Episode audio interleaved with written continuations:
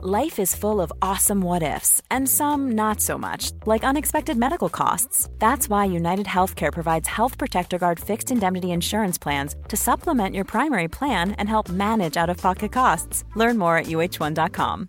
Hey, I'm Ryan Reynolds. At Mint Mobile, we like to do the opposite of what Big Wireless does. They charge you a lot, we charge you a little. So naturally, when they announced they'd be raising their prices due to inflation, we decided to deflate our prices due to not hating you.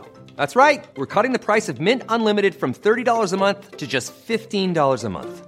Give it a try at mintmobile.com slash switch. $45 upfront for three months plus taxes and fees. Promote for new customers for limited time. Unlimited more than 40 gigabytes per month. Slows. Full terms at mintmobile.com.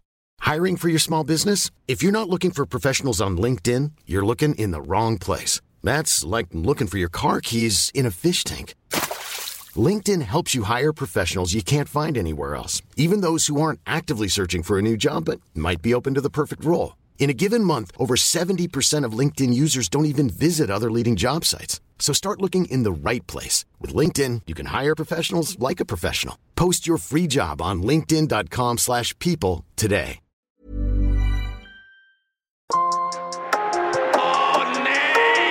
Skärpta straff för olaglig maskering. Läget är tufft. Det var en seger för Malmö FF, men en förlust för svensk fotboll. Sveriges damlandslag i fotboll är nu långt från nu krävs ett smärre mirakel. Det står fyra man ska inte få det med med frågor. Fy fan vad dåligt.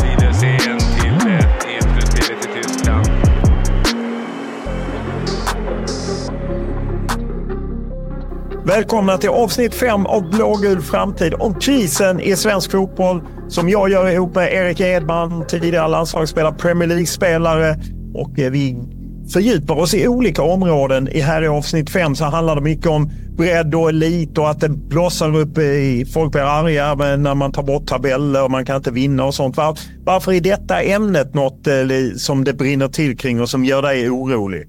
Ja, men det är framförallt att inte det finns en uh, förståelse för varandras olika roller i uh, fotbollsfamiljen skulle jag säga. Uh, ja, och så är det uppenbart att, att på något sätt målas det upp ibland en konflikt mellan bredd och elit. Och vi har ju med rätt många gäster.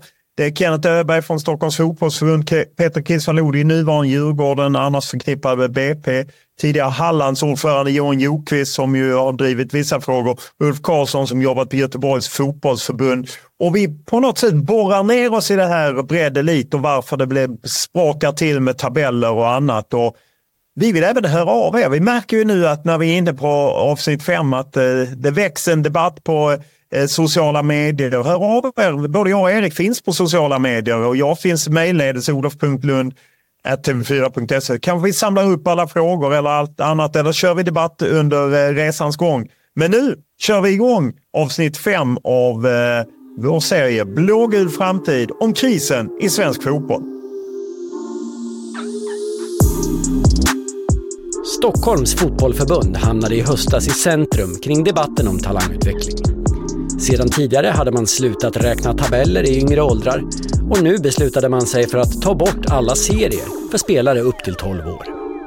Man ville förenkla spelscheman, minska arbetsbördan för förbundet och kanske framförallt uppmuntra fler barn att delta i fotboll. Kenneth Öberg är sportchef i Stockholms fotbollförbund. Egentligen så tabellerna togs ju bort för, för tio år sedan och det här, här jag tror jag liksom man, man hamnar snett i diskussionen. Det skrevs en artikel som i, i grunden var ganska bra, men så var det krigsrubriker till den och då väckte det liv i en annan fråga som handlar mer om, om barn och tävling. Sådär. Det, det som det här är med serielösa matcher är att det är egentligen en, är en teknisk innovation som gör att vi kan anpassa fotbollen så att vi kan ja, spela matcher på den, vi, eh, den nivå vi vill spela och vi vill spela så många matcher på den nivå vi vill spela som möjligt. Kan man styra det där på ett annat sätt så blir det ett mer flexibelt seriesystem för barn. Barnen under, under 13 år, alltså upp till 12 år. Varför blir det så lätt upprört? Du tar själv upp det. Det var väl 2013 man tog bort eh, eh, tabeller och nu serier och just ungdomsfotboll och så. Varför blir det så upprört kring det här? Ja, men dels i det här läget så, ja precis, det finns en in, liksom inneboende i folk där att med barn tävlar inte.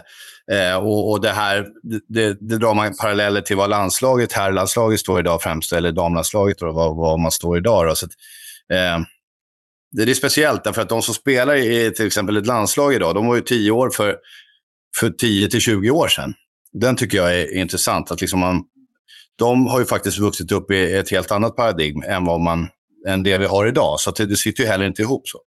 Men eh, jag menar, kopplat, till, kopplat till just det här så, så kanske man inte ens läser hela artikeln. För, för om man tittar på serielösa matcher i Stockholm Fotbollförbund så är det någonting som vi har nästan 100% i backning från föreningarna. Och det är liksom sportchefer, akademichefer och alla sportslig personal som finns. Så man ser det här som en bra lösning. Och jag tror att för dem, jag tror inte man har förstått heller, alla, alla som tycker mycket om det här har inte förstått att det kanske till och med hjälper nivågruppering på väg på ett, på ett smart sätt. Så länge det kan genomföras på ett sunt sätt. Hur reagerar du och hur tänker du när gamla spelare uttalar sig och refererar till hur, hur det var när de själva växte upp och, och liksom opponerar sig mot detta? Ja, men bra fråga. Jag tror att det är lite samma sak där. att De har ju sin väg och, och kanske inte fullt fullt ut pålästa och initierade i de här frågorna. Samtidigt som jag tror att de faktiskt, det de representerar på riktigt är att de har gjort en riktig satsning. Och för just dem och dem som barn så betydde till exempel kanske tävling väldigt mycket och har varit en drivkraft genom hela livet. Och jag tycker att det där har vi, har vi en viktig grej liksom i, i svensk fotboll att faktiskt konstatera att vi har olika barn i alla lägen. Men nu finns det en risk att vi anpassar bort problem så att vi inte förbereder våra unga personer för en verklighet längre fram in i en vuxenvärld. Allt från sportvärlden eller idrottssituationer till ett yrkesliv där också konkurrens är en naturlig del av, av eh, samhället. Så att säga. Ja, men det där är ett argument som jag absolut som jag, som jag kan liksom dela. Men det finns ju massa saker. Man pratar om tävling och liksom, vi, har, vi, vi säger att vi har ett slutspel och så har vi en straffläggning. Och det, att bomma den straffen, det misslyckandet, om man säger, det är ju en del av, av att lära sig ett liv. Så är det ju absolut. Och, och liksom, skyddandet av den situationen är jag inte säker på att det är helt bra. För det kommer ett liv som är mycket, mycket tuffare än en missad straff någonstans. Eh, så det kan jag hålla med om. Och precis, jag pratade en gång med Simon Tibbling. Han sa det att när vi spelade i ST-cupen i final där när vi var 10-11 år, det var fullsatt i hallen. Det var första gången vi spelade för publik, till exempel. Och det menar han, att det försvinner ju idag när, när en sån här sak försvinner. Och det, liksom, det kanske blir svårt att ersätta när vi inte har den här tävlingen, eh, tävlingen igång. Så, samtidigt så, så, så, finns nog regeln till för, för massa andra saker som faktiskt också är negativt för spelutveckling. Ja, jag gissar att det finns forskning eller liksom studier eller något liknande. Eller finns det inte det och vad baserar man i så fall de här skiftena på? Vet du vad, det där är faktiskt en bra fråga. Jag tänker till exempel på det här när vi byggde om spelformerna i svensk fotboll. Eh, så gör man ju faktiskt det mot en, mot, en, eh, mot en studie och inte någon bakåtforskning egentligen. Man vet ju faktiskt inte per definition att, att de här förändringarna i spelformerna kommer betyda eh, framgång eh, på längre sikt. Eh, så bland annat därför så har ju vi eh, skrivit en motion om forskning på 9 mot 9 i 14-årsåldern till exempel. Då. För där vi helt enkelt behöver veta mer där åsikterna går isär ut i rörelsen så, så att säga. Eh, men just i den här... Sen kan man också säga att vinden blåser lite olika. Jag, jag upplever att för då när spelformerna kom fram och, och liksom hela bredd och elitdiskussionen har... Ja, den går ju liksom i cykler. Så just nu är det lite andra vindar upplever jag, framförallt i, i Stockholm där jag verkar. Eh, där vi liksom börjar hitta ett bättre, en bättre samsyn kring hela bredd och elitfrågan. Att man förstår att båda är extremt viktiga för svensk fotboll.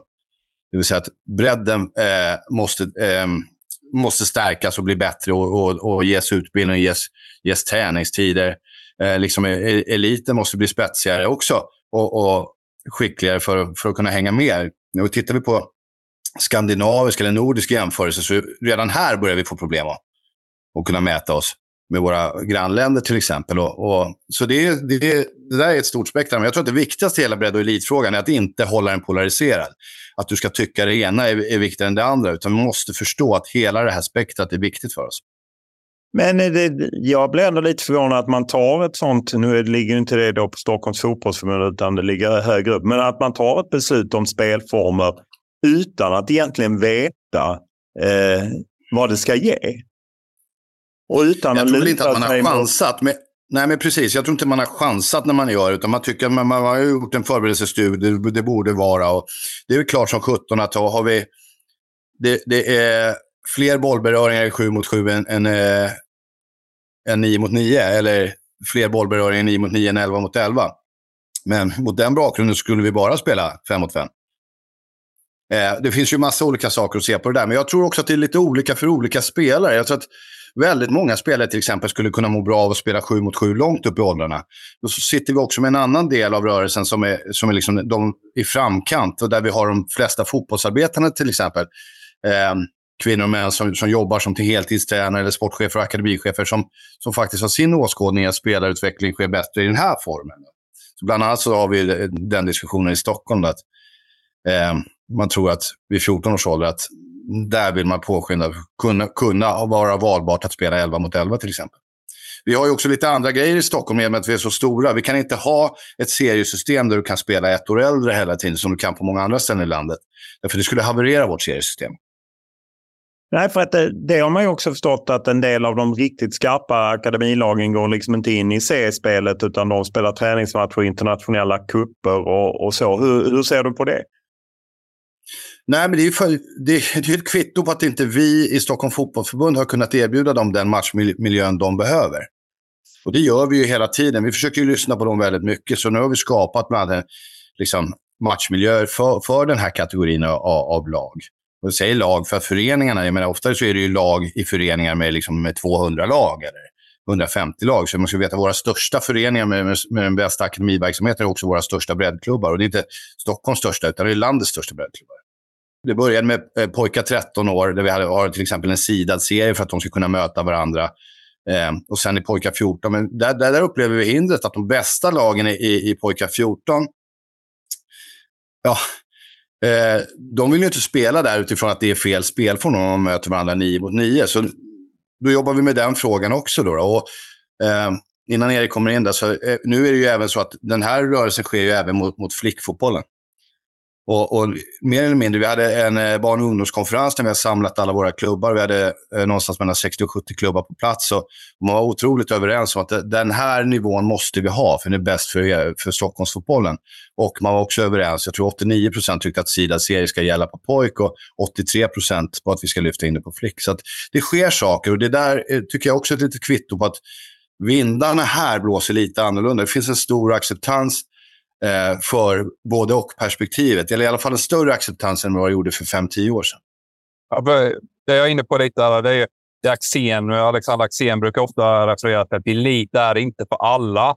Hade en tydligare gränsdragning mellan elit och bredd, bredd eh, varit ett alternativ. För vi pratar eh, ofta, eller man hör ofta att och i unga åldrar tränar man för lite. Samtidigt ska man inte nivåindela och toppa för tidigt och så vidare. Hade, hade det varit ett alternativ att ha en ännu tydligare gränsdragning mellan elit och bredd och kanske inte ha så många akademier och inte ens tillåta det eventuellt så under superettan-klubbar för att det ska bli en tydligare gränsdragning. Ja, men det där är ju en speciell fråga. Man brukar prata om det i svensk fotboll. Vill vi ha bredd och elit under samma tak? Och så är vi samtidigt ganska dåliga på den diskussionen. Det vill säga att vi, vi, den, den, den håller sig polariserad. Ja, det skulle absolut kunna vara så om det är det Axén eh, förordar. Då, att man, att man, man särskiljer på det så att det egentligen blir längre avstånd på det. Och det där jag vet inte, om, om vi vill ha bredd och elit under samma tak så måste vi jobba med det. Och det tycker jag även på Svenska Fotbollförbundet. Där tycker jag man har problem. Man bygger grassroots-verksamheten, pratas det väldigt mycket om. Vilka hanterar elitfotboll på, svensk fot eh, på Svenska Fotbollförbundet? Ja, det är kanske landslagsavdelningen, men däremellan finns det ingenting. Och, och då, då, hamnar liksom uppdraget nästan på våra intresseorganisationer i EFD och SEF. Och här tror jag man behöver göra ett jobb och det tror jag också att man... Andrea Möllerberg har sagt det också, hon kommer från oss och vi har jobbat länge och pratat mycket med varandra om det här. Jag tror att, att ena den här rörelsen för att få ihop allting under samma tak, eh, det är nog det man behöver göra. Det andra alternativet är precis som du pratar om nu och som Axén säger, då, att ja, faktiskt göra eh, klyftan ännu större. Det vill säga låta akademi eh, gå ett spår, men det är nästan, då får vi två olika förbund eller två olika rörelser i svensk fotboll. Det är inte jag säker på att det är rätt. Nej, det jag menar med bara att det blir en tydlighet i eh, valet. Okej, okay, nu sätter jag mitt barn i akademin i elitmiljö tidigt, för jag vill och tror att det är rätt för mitt barns utveckling. Och istället så kanske någon annan väljer ett breddspår eh, där man liksom alla får vara med. Och det finns en tydlighet i det. Jag upplever att det blir ofta väldigt flummigt. Förstår du frågan? Ja, ja det, det, är nog viktigt sagt att alla föreningar och klubbarnas varudeklarationer är extremt tydliga. Det är, det är bland det viktigaste liksom i, i, i vår fotboll. Och jag tycker att det är ganska mycket så eh, eh ändå, i alla fall på, i, i, vårt distrikt. Sen runt om i landet så är det lite annorlunda. Men vi har ju också en, en situation här där vi har liksom fyra stycken klubbar som, som befinner sig i herr och damallsvenskan. I alla fall, ja, beroende på hur man mäter, kan ju, någon kan ju flyga ur här nu. Men, men, och, men förutom dem så har vi ju väldigt stora förortsakademier också, förortsklubbar som är, eh, så vi har ju nästan uppåt 20 miljöer eh, årligen som är på en hög nationell nivå. Så att jag, det blir ganska tydligt ändå här. Och, men precis som du säger så är det viktigt att föräldrar tar beslut runt sina barn. Okej, okay, ska mitt barn eh, försöka ta, ta en väg via en akademiverksamhet eller förstalagsverksamhet eller, eller ska vi ta oss i bredden? Och jag tror också det blir väldigt viktigt som förälder att titta på i vilken förening, var är mina värderingar, var sätter jag mina barn? Men det, det, sen, sen som jag sa, det, det blir en utmaning. Vi, har, vi ser lite annorlunda ut organiserade våra föreningar i Stockholm. Med våra, det krävs tre klubbar i Stockholm för att komma upp i 11 000 spelare.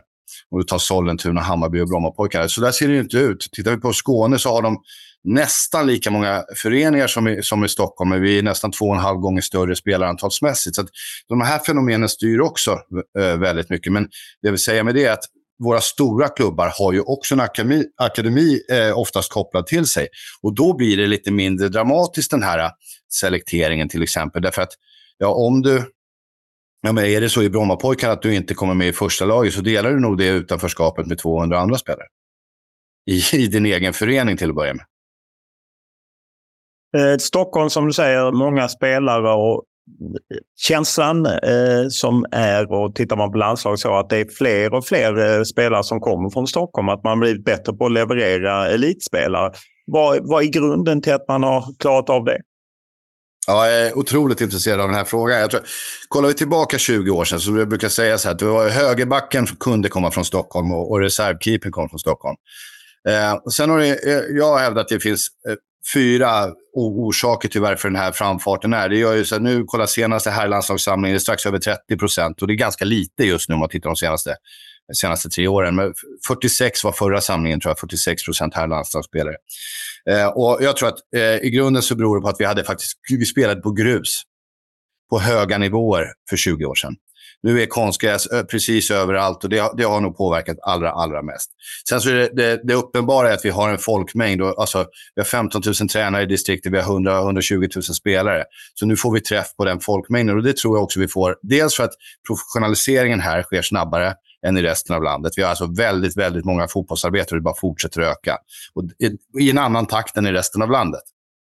Eh, sen den sista delen tror jag också, det, det är någonstans, jag brukar beskriva det som någon typ av huvudstads fenomen. Det vill säga att här är det viktigt för alla mammor och papper att deras barn, kille eller tjej, oavsett om de har kommit långt eller inte, får en bra verksamhet tidigt. Du tränar oftast eh, under ganska bra förutsättningar. Du försöker få så bra förutsättningar som möjligt. Du tränar egentligen året runt också. Det spelar roll. Liksom. Jag tror jag inbillar mig, jag kan, ska inte slänga något distrikt under bussen, men i Dalarna kanske eh, bollarna kommer ut i, i mitten på mars och, och, åker in igen i mitten på oktober till förmån för en annan idrott kanske. Eh, och, och, så funkar det inte riktigt här. Så vi får alltså fler träningstimmar per spelare. Och ju fler spelare eh, som är ganska bra, desto fler kommer bli, kommer bli bra. Och det är nog det som har hänt i Stockholm eh, de sista tio åren kanske. Eh, om du ser eh, i det här läget där svensk fotboll är ju ja, om man ska använda ordet kris eller vad man nu... Men jag menar, det är ju ändå en liten svacka på här sidan både klubbar och landslag. Och på dam är landslaget bra, men klubbarna börjar halka efter. Så vad, vad skulle du säga som de tre viktigaste eh, sakerna framåt som svensk fotboll måste göra eller bör göra för att vända det här? Ja, först ska man ju säga att det är lite ögonblicksbild är det ju också. Eh, man kan säga att det är klart att våra, våra spelare, på, framförallt om vi pratar på herrsidan, eh, inte spelar fotboll i sina ligor. Och det är ett problem, och det är ett problem just nu. Men det, det är inte längre tillbaka än 2021 som vi åkte ut mot Ukraina i, i ett slutspel och vi är ändå eh, liksom framme där någonstans. Då. Så att, eh, sen ska vi veta att de här spelarna, som jag sa, de växte upp för 20 år sedan. Vi behöver ta, ta, ta steg framåt. Och det, det som jag tycker är intressant med att Svenska Fotbollförbundet har klubbat en strategi som säger världsledande spelarutbildning och en spelarutbildning i världsklass som en av eh, ja, som är vision respektive förändringsresa. Och, och det här är ju intressant. Då måste man nog mena allvar med det och titta på, okay, vad kommer det här betyda? Det kommer ju betyda ökade liksom, satsningar inom akademiverksamheten. Vi behöver bli mycket, mycket bättre där. Vi behöver bli ännu starkare kring utbildningen såklart för spela, spelarutbildning på både bred front och, och, och liksom i, i liksom det elitförberedande spektrat såklart. Och, och, ja, men, så att vi inte börjar med att halka efter våra grannländer. Sen så vet vi att vi har en helt annan plånbok än resten av Europa, så det kommer ju vara svårt. Och det gäller att identifiera med vilka värden ska vi kunna konkurrera eh, framöver. Eh, jag, jag, tror någonstans att, att, den här delen, att totala förståelsen och samsynen runt att bredd och elit behövs i svensk fotboll.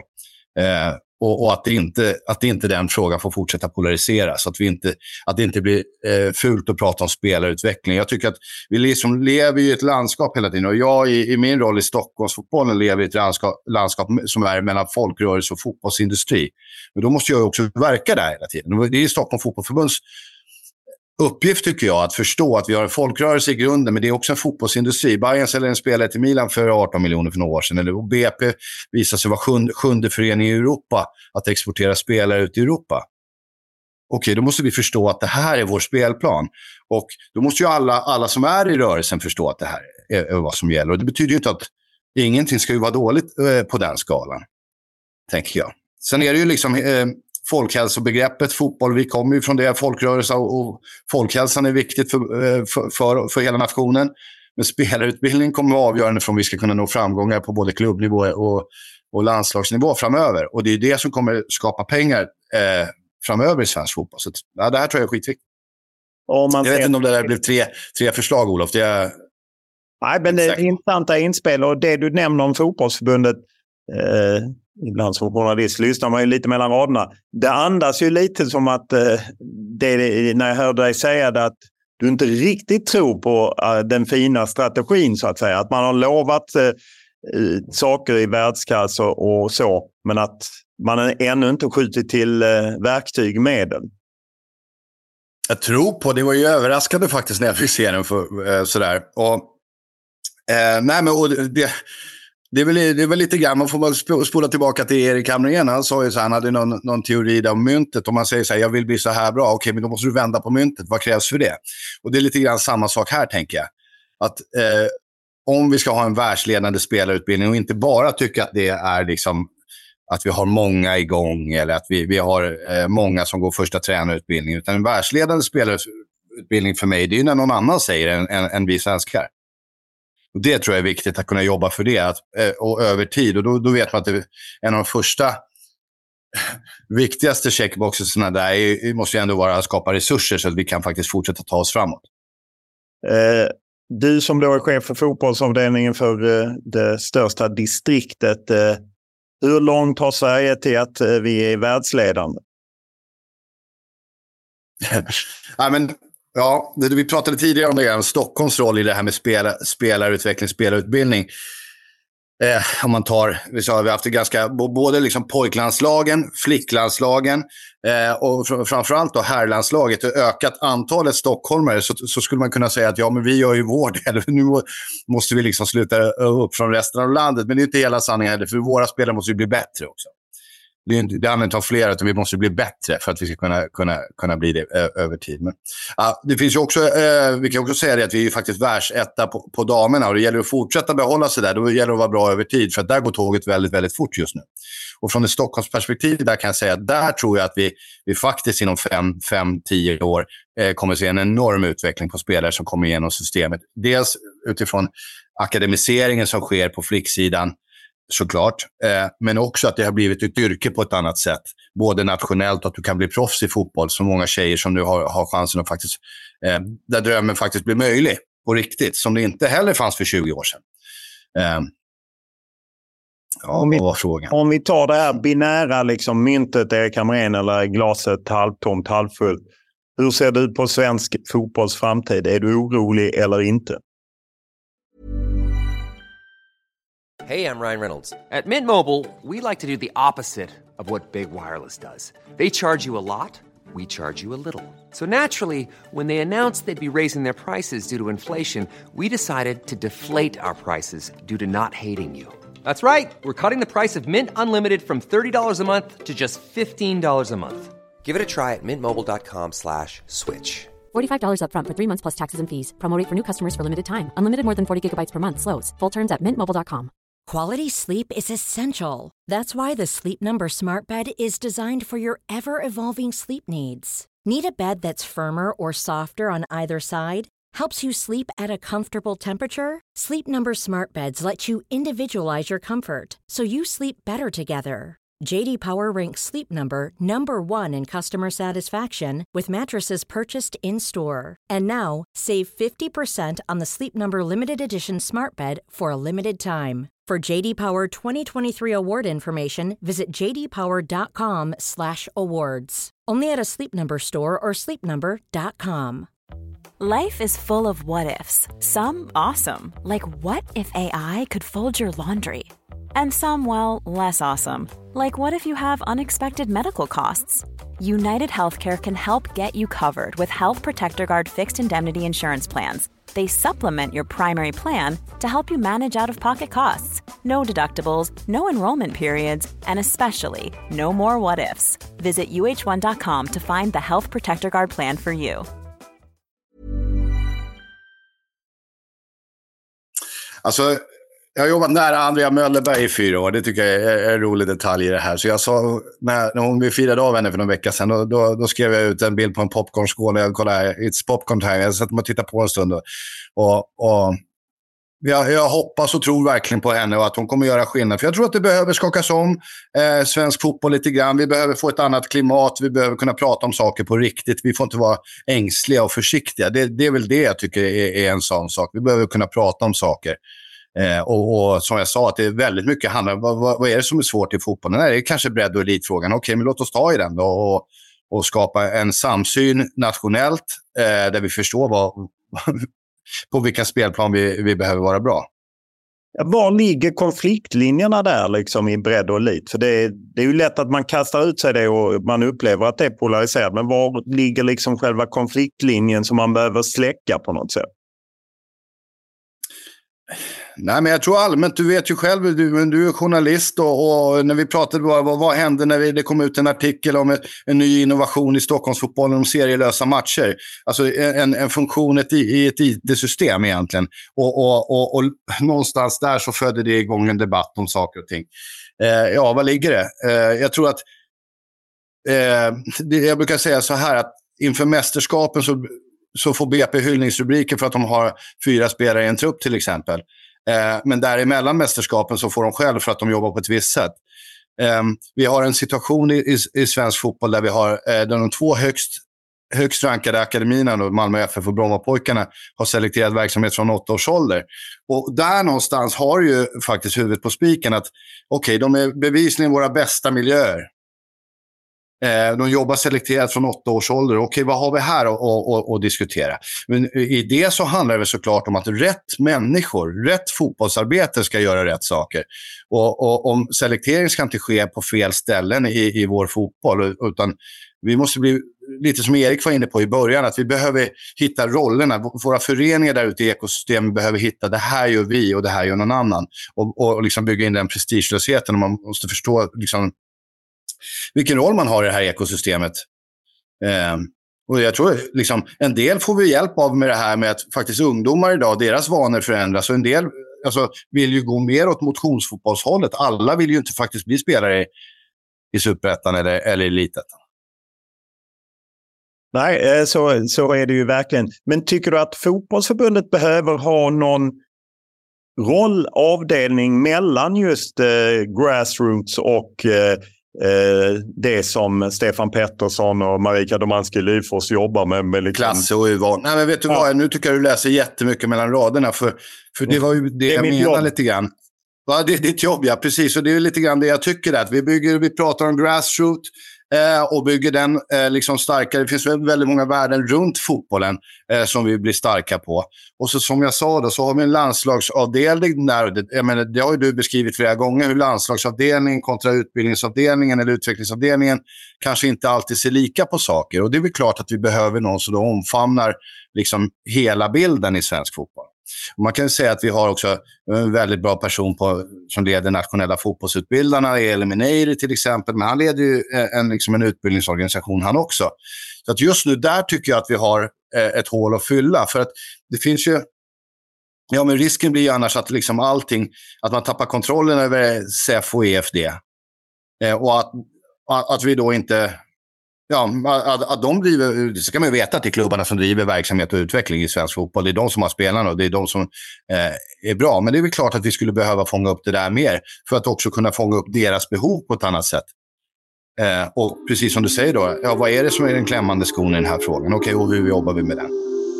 Ja, jag tror att det finns eh, plats för en sån roll. Nästa gäst var med även i avsnitt 4. Det handlar om Peter Kisvalodi, Djurgårdens nuvarande sportkoordinator från ungdomslag till A-lag. Han är en stark förespråkare för tidig specialisering och har tidigare varit mångårig ledare i plantskolan Brommapojkarna. Eh, det som imponerar på mig i BP är att man har 4 000 ungar i, i verksamhet, 3 000 killar och 1 000 tjejer.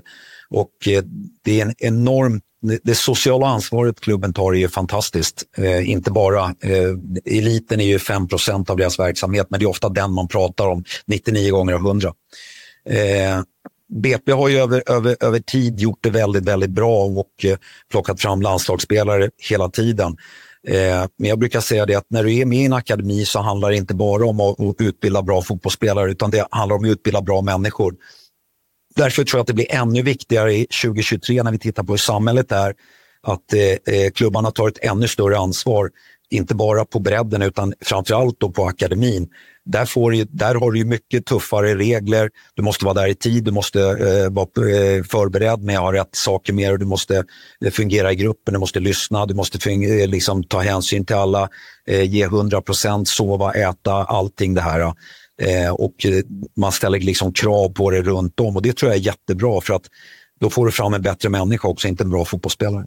Men om du är eh. på den diskussion som lätt, vi skippar BP, men eh, den ja. diskussion som ofta blir liksom bredd kontra elit.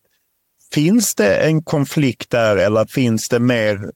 Nej, men det är klart att det, finns en konflikt. Det är klart att det finns en konflikt för att pratar man om att man vill ha en pratar man om att man vill ha en en akademi så att säga, då, då, då blir man ju nästan så att man är, är ja, den där killen, han vet ju inte vad han pratar om, han är ju korkad. Eh, så tycker ju väldigt många. Eh, jag tycker att vi ska vara rädda om våran bredd. Alla ska få spela fotboll, men alla ska få spela fotboll på sin nivå. Och det är väl det som är den stora skillnaden tycker jag med eh, hur det ser ut ute i övriga Europa mot hur det ser ut i Sverige. Det är klart att det finns en anledning till småländer som Kroatien, eh, Portugal, Holland, Belgien, att de lyckas med sin fotboll, men att vi kanske inte lyckas på samma sätt. Vi har det ganska bra här och är ganska trygga i oss själva och hela vårt system. Och då, då får vi inte fram den hungrigheten kanske som de får. Varför är vi rädda och kallar en spade för en spade på något sätt när man jagar elitspelare? Ja, jag tror att eh, eh det som många missförstår det är väl att alla tror att det handlar om utslagning för att man är med i en akademi. Och där tror jag är jävligt viktigt att Eh, jag, jag, jag, ser det precis på tvärtom. När jag ser eh, de välutbildade akademitränarna vi exempelvis har här i, i Djurgården där jag kommer in och där vi pratar väldigt mycket om att alla ska matchas lika mycket och hit. Där är det mycket lättare än att prata med, eh, med föräldrar och ha koll på, på flera hundra föräldrar i en förening, hur de matchar sina lag. Eh, är du en akademitränare och är anställd därför att du har en erfarenhet, du har en utbildning och du jobbar efter klubbens eh, eh, utbildningsplan. Och det tror jag är en stor skillnad. Eh, eh, för ofta ser man de här så kallade lite upptoppade breddlagen att där driver de det här ännu hårdare eh, än, än vad man gör i akademilagen. Vilken faktor spelar föräldrar i, i den här processen? Föräldrarna kan väl vara en av de farligaste personerna för att eh, få barn att lyckas och få hålla på med sin fotboll och få ha kul med den. På vilket sätt? Ja, de går in och pressar tränare, de går in och pressar sina egna barn och sitter och pratar om det hela tiden i bilen och när de kommer hem och så. Så att eh, eh jag tror ju mycket på föräldrautbildning också. Jag tror att det är jätteviktigt. Eh, eh, vi prat, du pratade om min bok förut. Där jag, fått faktiskt, eh, jag fick, förra veckan så fick jag ett jättefint eh, meddelande på mitt Instagram där en förälder skrev att tack för att du har öppnat ögonen för mig. Nu har jag backat, nu har jag tagit några steg ifrån eh, min son. Och, och, han är mycket gladare och lyckligare på träning och matcher nu. Bara en sån liten sak tror jag är viktigt. När man eh, tog bort tabeller och sen la man om serie nu i Stockholms fotbollsförbund. Det blev ju väldigt snabbt rätt eh, infekterat. Det gamla spelare går ut och säger att vi kan inte fostra vinnare längre. Man lär sig inte vinna. Och, hur ser du på det? Vad, vad betyder det att man gör här, förändringar? Jag, jag, jag, tror att man inte, det handlar nog inte om det där för min del tycker jag. Tabellerna spelar inte någon roll och sen att man gör om serierna, det tror jag bara är bra för då kommer det ju faktiskt bli så att man får spela bättre matcher förhoppningsvis. Så det tror jag inte kommer påverka det. Eh, jag vet ju hur vi gör i Djurgården, vi är inte ens med och spelar Sankt Erikscupen utan vi spelar bara träningsmatcher och åker på turneringar just för att få spela bättre matcher varje vecka. Och så ska det inte heller behöva att vi inte ska, behöva, att vi inte ska vara med i seriesystemet med våra akademilag. Men så gör ju alla akademier, både i, storklubbarna här i Stockholm. Eh, just av den anledningen, för att det, det är för dåliga matcher varje helg. Eh, jag kan bara dra ett exempel. Jag tränade 05-1 och vi spelade en niomannaserie extra svår. Och vi hade spelat våra tre första matcher där i BP när jag hade dem för fem år sedan. Då hade vi vunnit med 14-0, 14-0 och 24-1. Det vill säga alltså, det, det, det var 56-1 på, på tre matcher. Det är något som är Vajsing, så då fick vi lämna bort då, ett annat BP-lag gick in, in i den serien. Och, och, många tränare slår sig för bröstet. Ja, men vi är med extra svår och är jättestolta över det och det är väl jättekul. Men eh, bara man har liksom att man gör eh, liksom killarna och tjejerna som ska spela match, de här matcherna en tjänst, att man lägger in den på den nivån de verkligen är på istället. Så där är också tränarna ett stort ansvar tycker jag. Hur ska man få till en samsyn så att svensk fotboll jobbar ihop och att liksom det inte blir en konflikt mellan bredd och elit och att, att alla faktiskt får en gemensam bild?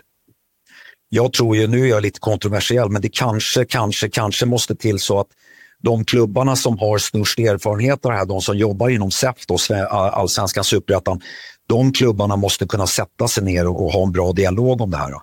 Eh, och kanske inte styras då som på ett repkapsmöte av division 2, 3, 4, 5 klubbar där, där är lite så här, ursäkta med all respekt mot det jobbet de gör, jag har själv varit där, så, men det är att eh, de, de gör det på en hobbynivå så att säga. Vi som jobbar med det heltid har gjort det under i princip över 30 års tid. Eh, prata med oss och se, sätt ihop en arbetsgrupp och titta på vad behöver vi göra och hur kan vi göra det bättre.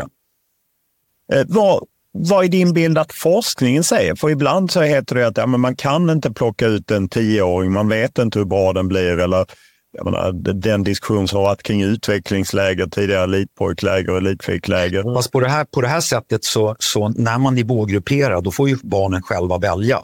Vill man, vill man, spela, vill man spela tre, fyra dagar i veckan, ja men då får man göra det. Eh, vill man inte det, då får man göra det. Då kommer ju alla ändå komma fram i ändå i slutändan. Då visar det sig att den som vill träna en, två dagar i veckan, om den, den vill göra det men ändå kommer bli bra på sikt, då, då kommer det ju bli så. Men eh, vi måste ge de som vill spela fotboll och som man älskar. Tänk, tänk dig Albin Ekdals sommarprat, det var ju fantastiskt när han talar om det. Hade inte jag fått komma in i den här verksamheten, då hade inte jag spelat fotboll idag. Eh, så det var ju kul att han fick göra det. Men jag vet ju hur jag var när jag var liten. Jag, jag var ju ute varenda rast på skolan och efter skolan spelade fotboll. Jag älskade eh, liksom, att spela fotboll. Jag, det, var, det fanns inget annat för mig. Tänk om någon annan hade sagt, nej men du får, inte, du får inte träna nu, du får inte göra det här nu, för att nu ska du göra det här istället. Det är väl fantastiskt att folk vill vara ute på fotbollsplan och inte sitta hemma framför PS4.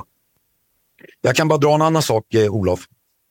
Eh, det, är en under, det är en undersökning här förut som var eh, i VM 2018. Och då tittar man när en elitspelare kom till en akademi, det vill säga till en elitklubb. På 70-talet så var spelaren 18 år när han kom till en akademi. Alltså det här är då när man pratar om de som blev elitspelare. På 80-talet var han 16 år. På 90-talet var han 14 år och VM 2018 då kom spelaren till en elitklubb till en akademi eh, vid 11,6 års ålder. Så trenden är alltså att spelaren kommer till en elitklubb och akademin tidigare. Och jag tror ju också att ju tidigare spelaren kommer, desto mer kan klubben påverka utbildningen. Så det, det, där är ju också, man ser det klart, och det här pratar jag inte nu om svensk fotboll, utan det här pratar vi nu om allmänt ute i, i världen. Det här är alltså från VM 2018. Om man eh, ser att eh, vi då är bekymrade över att herrlandslaget missar två mästerskap i rad, Samtidigt så hänger man sig gärna kvar vid att ja, men det är fult med selektering, toppning. Eh, så. Finns det är det så att eh, en selektering, toppning, fokusering på att ta fram elitspelare, ger det ett bättre landslag längre fram? Eh, jag tror att vi får mer välutbildade spelare, det tror jag. Man ska inte prata om selektering, toppning. Jag pratar fortfarande om nivågrupperingen.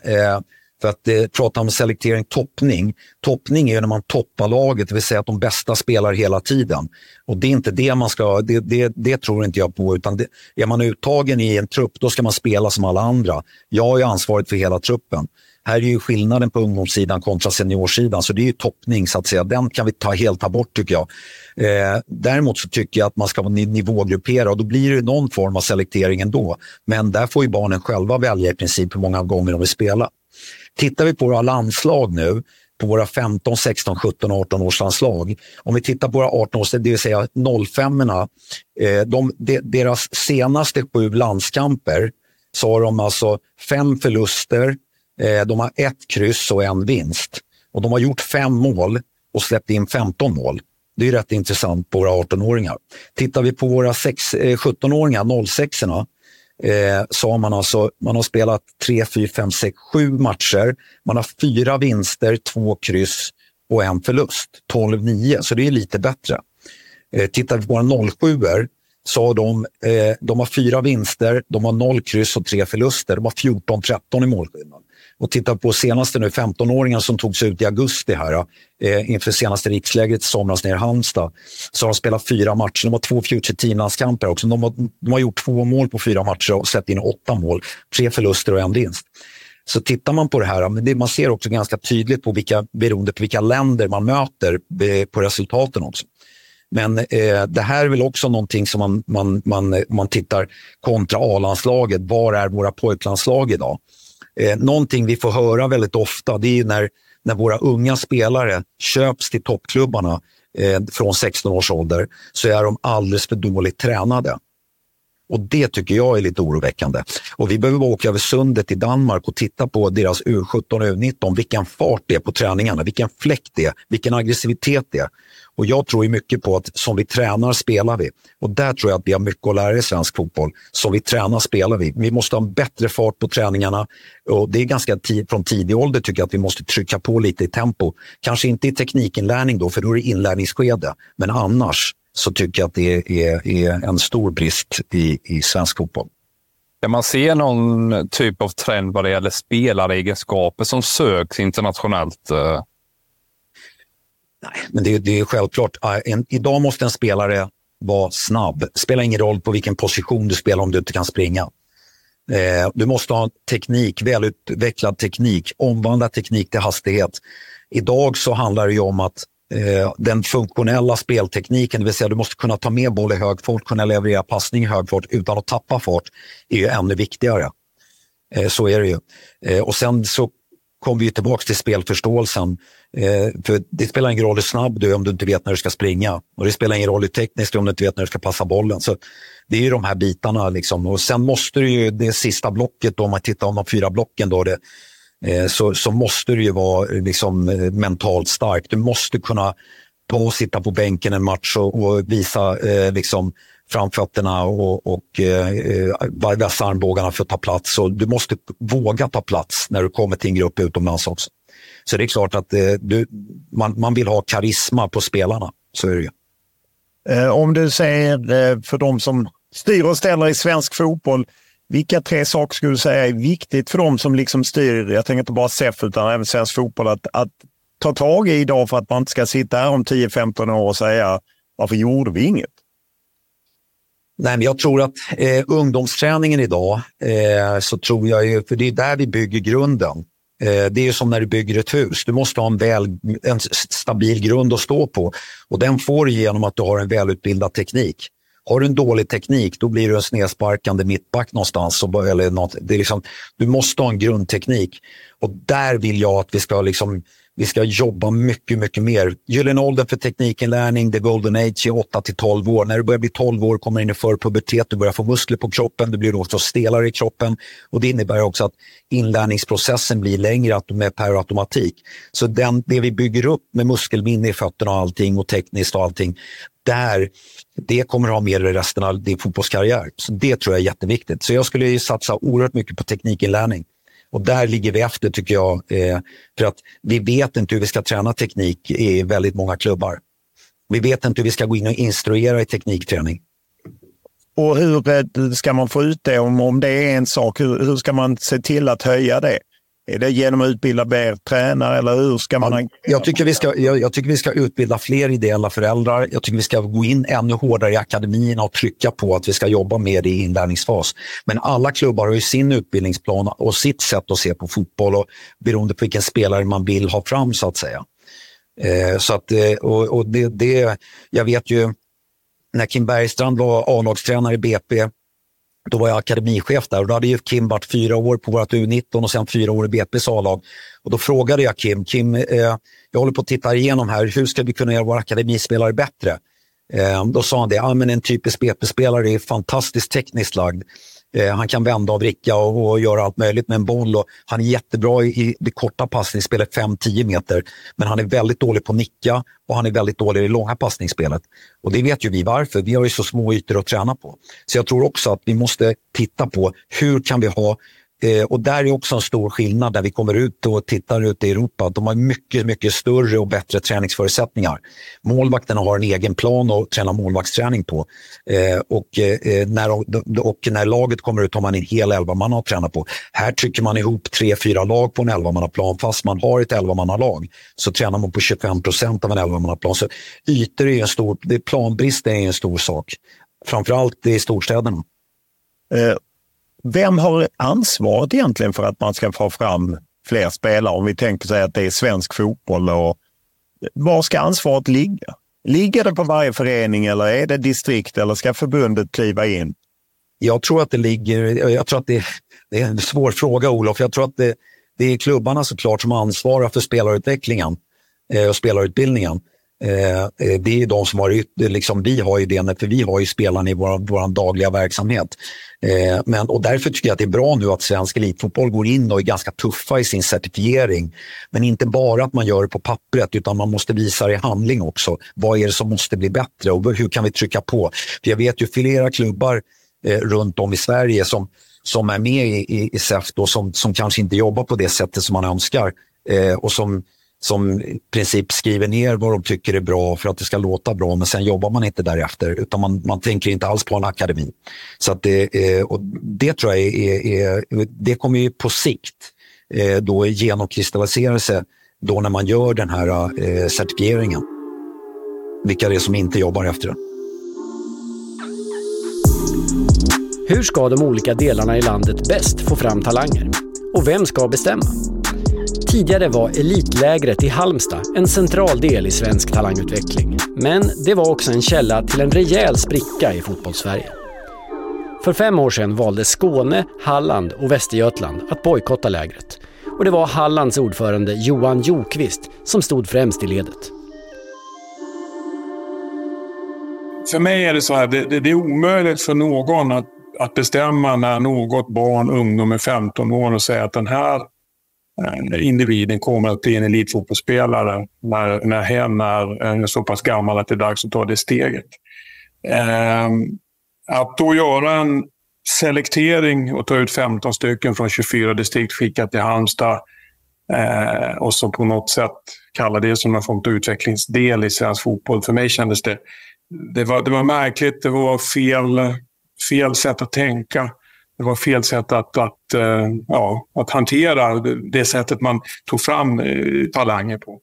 Ehm, ehm, jag tror att, om jag tänker högt, att vi har tappat fler talanger på det sättet än vi har faktiskt fått fram talang.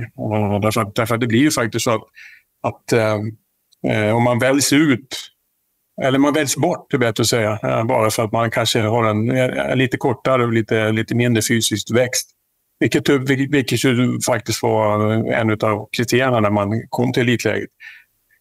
Eh, att då bli bortvald, eh, nej, då, till slut så säger man nej, jag, jag tycker inte det här är kul längre, jag, jag gör något annat. Och jag tror att, att, vi, att, jag tror att det blev effekten faktiskt.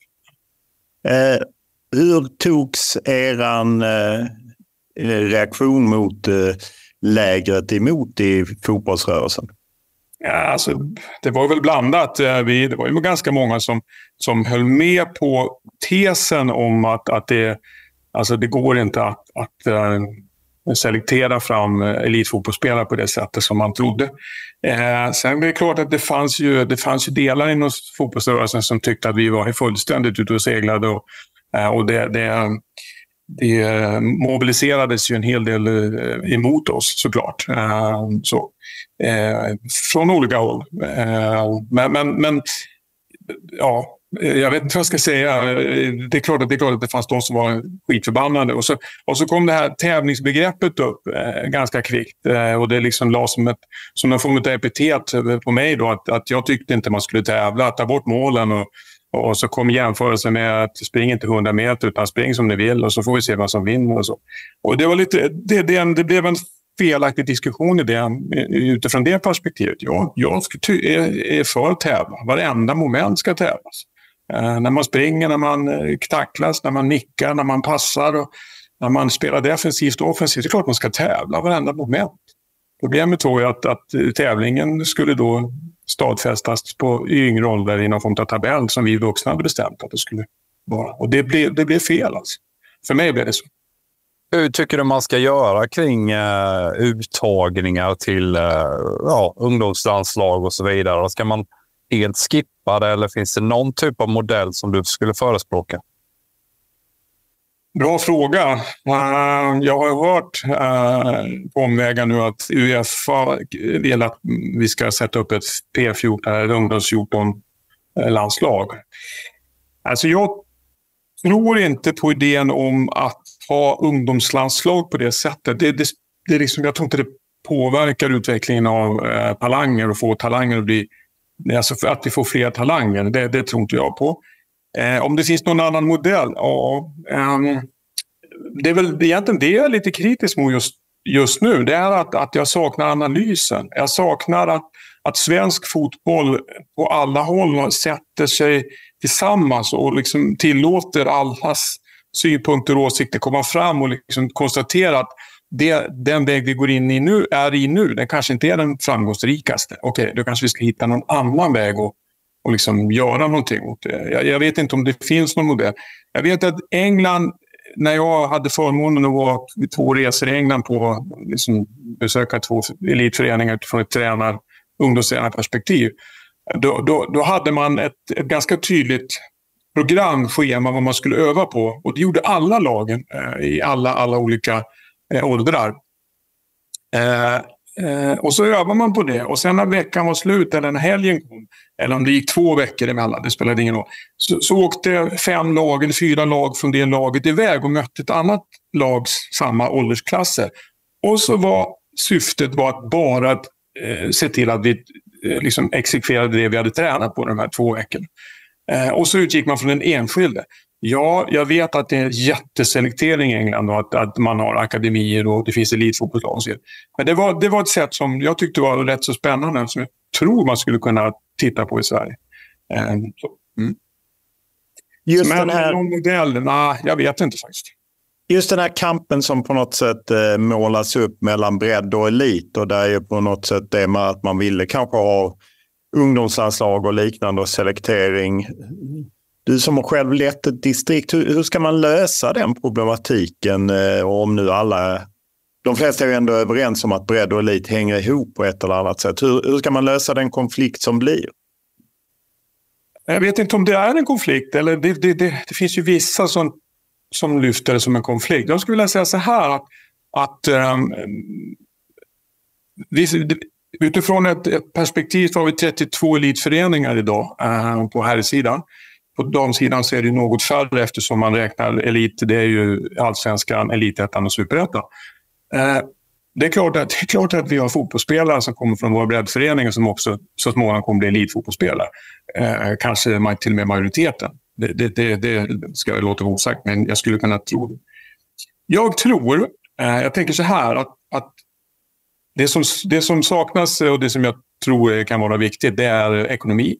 Eh, vi har de pengar vi har att röra oss med utifrån ett helhetsperspektiv. Och då kanske man skulle eh, eh, uppmuntra att elitföreningarna, som jag tror har en annan organisation och en organisering av sin ungdomsverksamhet som kan innebära att de är något bättre rustade att vara ungdomsledare, ungdomstränare, de har kanske utrymme att gå fler utbildningar via Svenska fotbollsförbundet eh, och, och, och använder sig av deras utbildningsplan.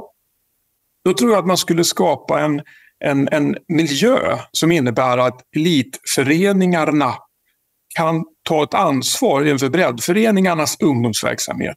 Alltså inte ansvar för själva genomförandet, men, men vara där eh, bjuda in till träningar, åka ut med ledare till breddföreningen och låta dem vara med och vara ungdomsledare och vara tränare och, och liksom peka på att, att det här är bra träning om man vill, eh, bli, om man vill utvecklas inom, sin, ja, inom fotbollen då, som, som spelare.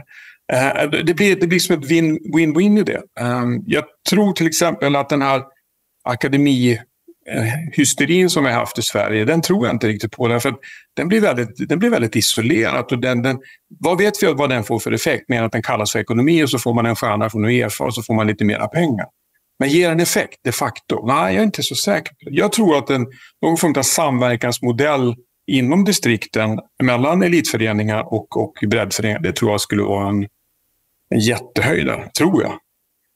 Jag har hört att eh, i Schweiz så, så, gör man den typen av verksamhet eh, och inte bedriver jättehård selektering eh, i elitklubbarna på, på, eh, innan 15 års ålder. Istället åker tränare ut till lokala föreningar som säger och gästtränar och, och liksom vidareutbildar de lokala tränarna. Samma Kalmar har också ett sånt exempel där man åker ut. Men resurserna för den typen av initiativ, då behöver vi ta bort till exempel lägerverksamhet hos, som, som leds av distrikten. Skulle du vilja att man helt steker Halmstadlägret, steker eh, distriktsverksamheten och istället lägger de pengarna då som du pratar om i elitföreningar så att de eh, öronmärks till den typen av eh, initiativ? Um, Eh, väldigt bra fråga. Um, om jag skulle vilja, jag skulle vilja, för det första tror jag inte på selektering i för tidig ålder. Oavsett, och den åldern kan man alltid diskutera när den är. Eh, no, no, det har kommit ut en del gott av det som vi eh, ska säga, kampade för för många år sedan. Men en, en del var att det, det startades ett forskningsprojekt via Högskolan i Halmstad. Där man tittade på den drop-out-faktorer. Vad innebär det att, att vad är det som har gjort att barn eh, och ungdomar stannar respektive lämnar fotbollen? Eh, och, och, en av de starkaste drivkrafterna det är att ha kul, alltså trivas, tycka det är roligt, ha en vänlig tränare, en tränare som är engagerad och som visar upp ett bra engagemang. Det, det finns inte en, alltså att selektera är direkt eh, motverkande att få ungdomar att fortsätta spela fotboll. Ja, jag skulle nog vilja säga att, att selektera på en nationell nivå som man gör med elitläget eller utvecklingsläget som man valde att döpa om det till och sen är det samma sak. Fick jag det sagt också. Men, men att, att, göra, att selektera på den nivån, nej, det tycker jag är helt galet. Uh, det, vi kan börja med att eller ställa frågan vad kostar ett sånt läger? Så.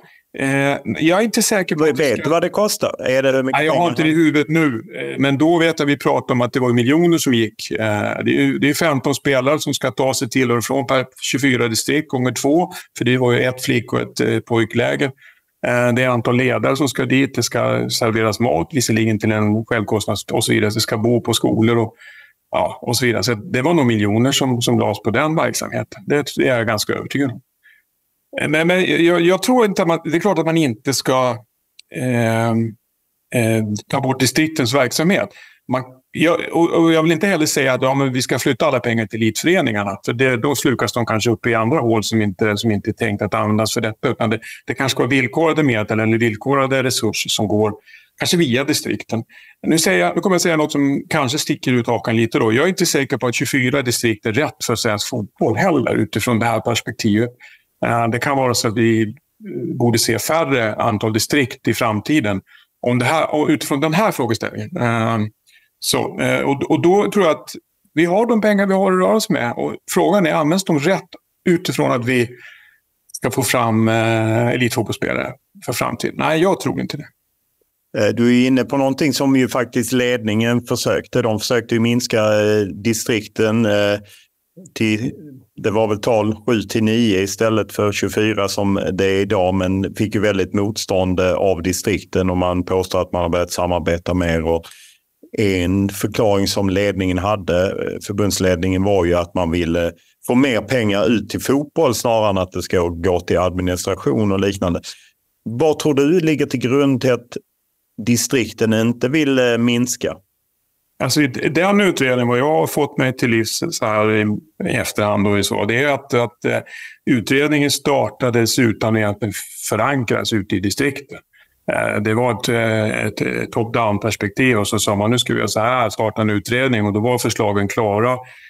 Och sen, sen, sen blev det någon form av halvmischmasch tillbaka och så kom det ett nytt förslag och sen kom det klassiska, vi, vi gör en ny utredning, vi avvaktar, lägger det på is. Jag tror att hade man startat på ett klokt sätt så hade man nog kanske hittat synergier i att faktiskt göra en förändring av distrikten. Eh, man kanske inte skulle ha presenterat att vi ska gå ner till åtta. Så det, det är liksom, oh, var, ska, var ska huvudorten ligga och så vidare. Man kanske skulle ha gjort lite på ett annat sätt. Så tror jag.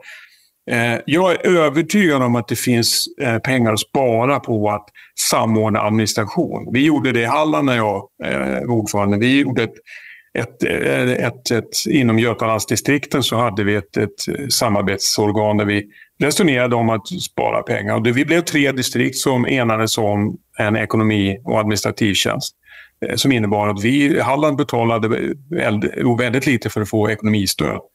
Eh, och det gick eh, och det funkar alldeles utmärkt. Både så vi prövade ända upp till Skattemyndigheten eftersom, eller till Skatteverket eftersom man pratar om moms och ni vet, eh, man ska göra upphandlingar. Men det, det, här, är samma, det här var samma, så det var inga problem alls. Jag tror att vill man så kan man. Hur eh, förändringsbenägen upplever du att fotbollsrörelsen är? eh, låg, alltså den är inte... Alltså det, så här har vi alltid gjort. Det är, ett, ett, det är ett epitet. Ett annat epitet är så här har vi aldrig gjort. Och det är två starka, två, två starka eh, liksom, som man använder sig av.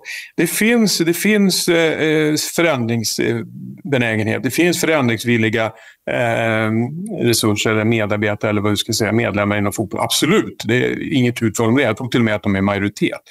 Problemet är att det finns någon form av eh, tystnadskultur. Eh, att man, det finns någon form av eh, belöningssystem eh, som, som, är, som är lite spännande. Det, det kan vara att man har en, en t-shirt som är svenska fotbollsloggan på och, och svenska spelloggan. Då är man, då är man liksom inne i gänget eh, och, och, och, det finns att man kan få biljetter eh, till landskamper. Eh, och det, och det, det är väl inte så jävla konstigt, det tycker jag. Det, det, det är väl inga märkvärdigheter. Och så finns det då att man får, kan få en titel som någonting inom ett distrikt eller så. Eh, och det är klart att omedvetet så blir det ju så att det, det, det är, jag är rädd om de, för, vad ska jag kalla de favoriseringarna som jag kan få genom att ha de här sakerna. Så att det är klart att det skapar en, en viss eh, förändringsobenägenhet. Eh, så. Sen, sen är det ju, ja, jag vet inte om jag ska säga, men det är gubbastyrt. Så är det. Det är min bild.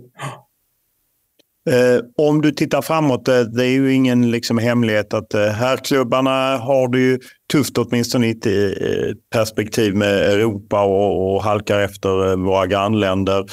Herrlandslaget har missat två mästerskap på rad, eh, inte ens sedan Tommy Svenssons dagar. Damerna går bra på landslagsnivå, men på klubbnivå så halkar man efter. Och det är ju lätt att liksom teckna en bild av att vi har lite, lite efter. Vad, vad skulle för dig vara tre viktiga saker som svensk fotboll behöver göra för att vända den här kurvan? Eh, jag tror att det, om du ställer frågan så där direkt, så tre saker. Jag tror att man behöver titta på eh, spelar, alltså det finns en, man, den nya spelutbildningsplanen, den är bra. Den är väldigt bra. Jag skulle vilja påstå det. det är, den, är, den, har, den tar hänsyn till den forskning. Man har lyssnat på det som, som det projektet som jag själv var med och drev, drev, drev igång via Högskolan Halmstad som man nu doktorerar på. Där man tittar på dropout-faktor. Det man, tar man hänsyn till. Det är jävligt bra. Alltså. Man tar hänsyn till att, att det handlar inte om att titta på en ålders kategori som gör att man ska göra vissa saker vid en viss ålder, utan det handlar om en, en resa. Eh, en utvecklingsresa för en enskild. Fantastiskt bra. Eh, men det räcker inte om, om, om det bara står i en pärm eller en bok. Eh, det måste ju ut på, på, på gräsrotsnivå. Jag tror man gör så gott man kan och det finns ingen illvillig rackare som sitter i vår förening och tror att de att, att, att de att, eh, alltså, vill jädras med, med fotbollen. Tvärtom, det, det är fantastiskt. Men det måste ut hela vägen, även utbildningsplanen. Jag tror på den här idén om att, att samverka mellan elitföreningar mycket mer och breddföreningen.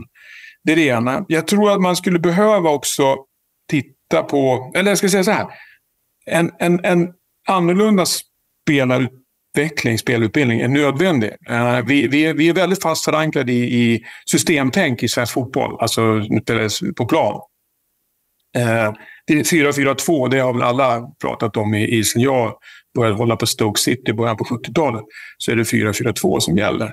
Men eh, det är inte det som är fotbollen, tror jag. Fotbollen är en mot en i tidig ålder. Där man ska lära sig att slå sin motståndare defensivt och offensivt. Man ska våga, man ska våga prova något nytt för att utveckla den enskilda individen, unga individen på fotbollsplanen. Där tror jag vi har ha en del, hel del att göra om jag jämför med övriga fotbollsvärlden. Sen är det pengar, eh, såklart.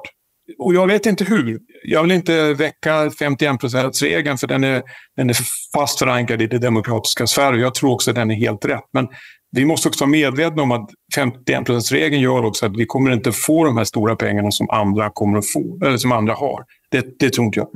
Eh, pengar är nödvändigt. Jag vet inte hur man ska få till det, men jag tror att en del är att göra en omfördelning. Och då är vi tillbaka till distriktsfrågan. Jag tror att man skulle kunna hitta samverkans eh, punkter mellan distrikten för att ta bort administration, för att minska och kanske till och med ta bort antalet distrikt eller minska antalet distrikt till förmån för att få mer pengar ut i själva fotbollsvärlden.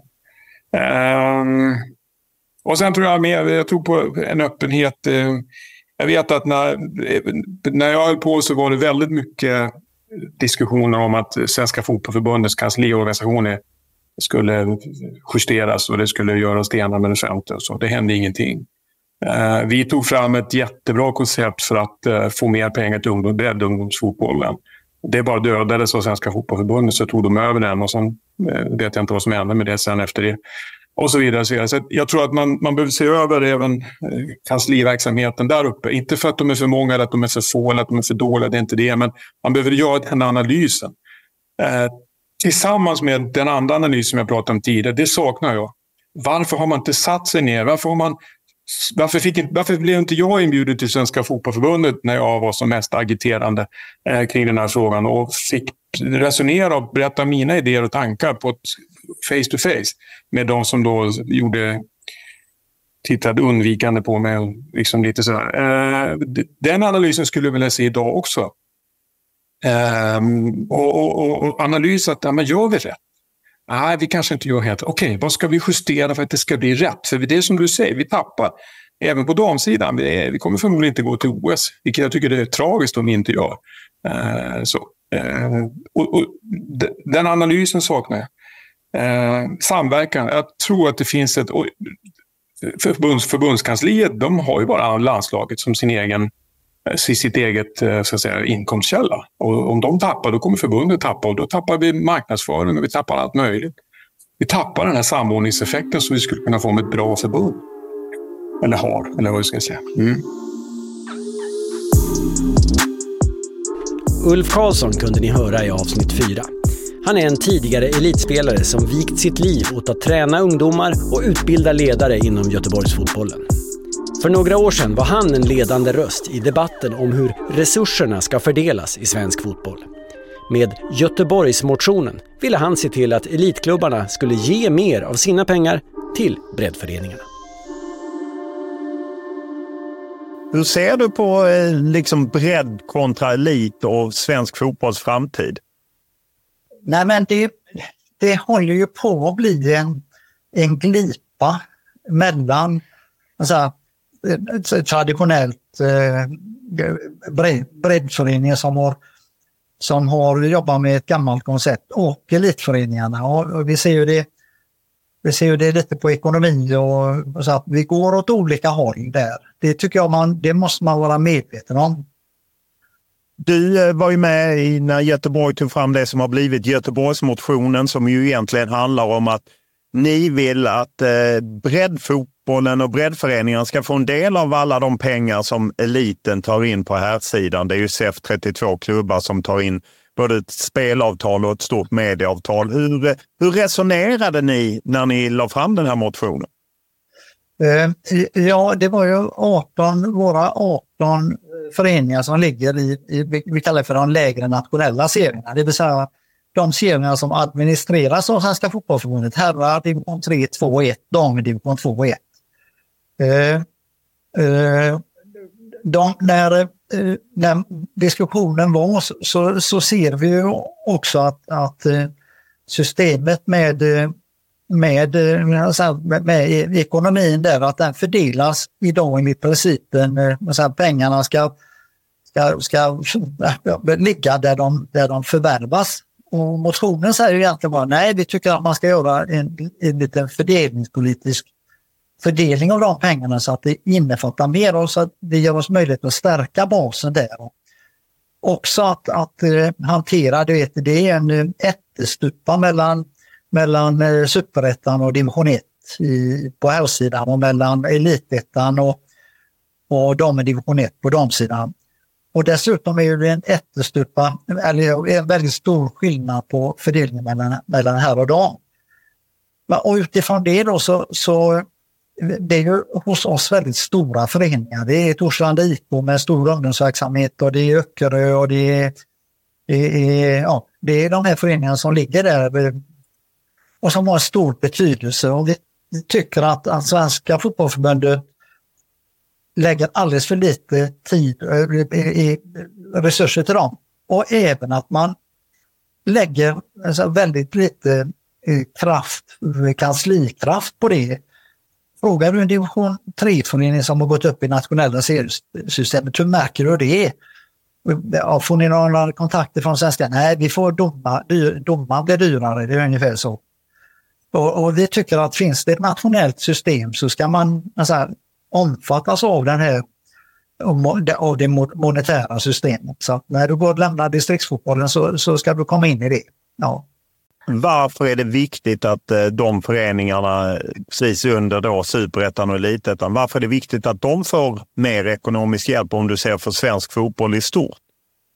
Jo, men då kan de ju ha en högre kvalitet på sin verksamhet och kan leverera eh, en bättre kvalitet, bättre fotbollsspelare som i sin tur också kan, kan eh, tillföra, tillföra eh, alltså, kvalitet till divisionen ovanför och på landslagsnivå så småningom. Och det är ju för att det ligger ju liksom att inte stänga det här fönstret, att se till att det är öppet och att det, att det att stimulera den här delen. Det är ju nästan, det är ju knappt 500 föreningar jämfört med de som ligger ovanför. Det är en jättestor del och det är en bas i våran, det är en bas i svensk fotboll, med, också med en stor geografisk spridning. Vad är status nu eh, i den här processen där ni ju gick till årsmötet och så blev det väl en utredning. Är det fortfarande där kranarna maler? Ja, föga förvånande så, så passar ju många distriktsförbund givetvis då. För att eh, det, så är ju i svensk fotboll att det är svårt. Men, så vi fick bara med oss i en direktomröstning fick vi med oss Västerbottens fotbollförbund. Men nu, är ju då, nu ska ju varje distrikt då eh, ha den här processen och, och arbetsgruppen kommer väl där i slutet på november eh, och alldeles snart att presentera som jag fattar som ett motförslag då. Och då får man väl helt enkelt ställa arbetsgruppens förslag mot, mot eh, eh, eh motionärernas förslag. Och, så får, men, och då måste ju respektive distrikt ta ställning till det. Och där har det svårt att se att Bohusläns fotbollförbund, om, om, om det inte är så att, att arbetsgruppens förslag är attraktivare än motionärernas så har jag svårt att säga att Bohuslän utifrån den bohuslänska fotbollen ska kunna säga nej till motionärernas och kommer arbetsgruppen fram till, till ett så attraktivt förslag så att det, så att det slår ut motionärernas förslag, då, det får vi ju acceptera såklart. om man ser till fotbollen i stort när vi gör den här serien, många som eh, vill ha mer resurser, inklusive SEF-klubbarna. Det är ju framförallt SEF, ja. Svensk Elitfotboll, ni riktat in er på för de tar in mest pengar. De får ju kritik för att de till exempel lägger mer pengar på talangutveckling som man gör i Norge och Danmark, vilket innebär att Norge och Danmark rusar ifrån. Vad finns det för vinst att då pengarna som eh, de sliter med ska längre ner i systemet? Nej, det, är mer, det här är mer en principiell fråga att, att, att av de, eh, svensk fotboll äger rättigheterna. Och, och då är frågan hur ska vi använda de rättigheterna? Och det tycker motionärerna att, att vi ska använda de rättigheterna så att vi, så att vi gör en, en eh, fördelning som är, ser annorlunda ut. Det vill säga, det låter i vårt förslag då 75 procent av de intäkterna stanna kvar och så lägger vi ner 25 procent i, eh, i de lägre nationella eh, serierna för att de ska kunna ha, ha möjlighet att hålla en bättre kvalitet eller höja sin kvalitet som på sikt gynnar svensk fotboll. Och det är väl också, tycker jag, intressant att se vart går alla pengar idag? Hur mycket av de pengarna som vi genererar varje år via våra rättigheter stannar kvar? Och hur mycket använder vi så att säga ur hand i mun? Det vill säga att eh, det, finns ju föreningar i systemet som i princip använder pengarna för att värva in ett lag eller, och som består inte så sällan av spelare som inte kommer från regionen. Och så klarar man sig ett år och så gör man likadant nästa år fram tills man eh, ja, åker ut. Och då, ja, då, då nästan så att de föreningarna försvinner. Så att det är bättre. Jag tror att de pengarna som förs ner i systemet kommer att stanna längre i systemet än, än mycket av de pengarna som idag ligger på att, på att egentligen på att, eh, eh, ja, på att köpa spelare. Du har ju under din tid haft koll på liksom hur lag försvunnit, föreningar försvunnit eh, från breddfotbollen. Hur, hur orolig är du sett till att bredden på något sätt smalnas av? Ja, det är jag, det, det är jag jätteorolig för. Och om, om jag går tillbaka till liksom när jag tittar på hur, hur läget i landet var så ser du att att geografiskt krymper vi. Och, och, om jag skulle då ta för, Göteborg så ser vi också att utvecklingen i de så kallade utsatta områdena är ju väldigt oroande. Om du också betänker att i de områdena finns ju ett jättestort fotbollsintresse. Inte minst kulturellt. I första hand på pojksidan måste man säga, men i Biskopsgården, Biskopsgården och Angered till exempel då, men på föreningsnivå där så är ju föreningarna på väg att försvinna. Och, och det finns också en problematik där kring, kring eh, att eh, de som, är, som egentligen är duktiga, och de försvinner ur stadsdelen. De, alltså, de idrottar inte i stadsdelen längre. Om du tar gamla Gunnilse som var en exempelförening kring, kring en stark förening och även uppe i Biskopsgården fanns det starka föreningar som, som liksom gjorde att, att den kvalitativa ungdomsidrotten bedrivs i området. Vilket, vilket var. Och jag har ju sagt i något samtal med Dennis Andersson i Häcken att om ni ska vara riktigt trovärdiga så ta och flytta upp er verksamhet, alltså den riktiga verksamheten till Biskopsgården. Det finns ledigt i Länsmansgården. Och var där. Då kan man ju liksom, då, då kan du erbjuda, då kan, alltså, då erbjuds du bra kvalitativ verksamhet i området. Ja. Men jag tänker att det är en politisk fråga också, för du pratar om eh, social hållbarhet här och ett folkhälsoperspektiv. Att, att, att ge möjligheter till att idrotta i högre utsträckning också. Inte bara det här med, med att elitklubbarna eh, skäl pengar eller vad man nu ska uttrycka det. Att, att, att, man får med sig den politiska sidan också, beslutsfattare som, som kan förstå detta så att vi kan vända den här trenden.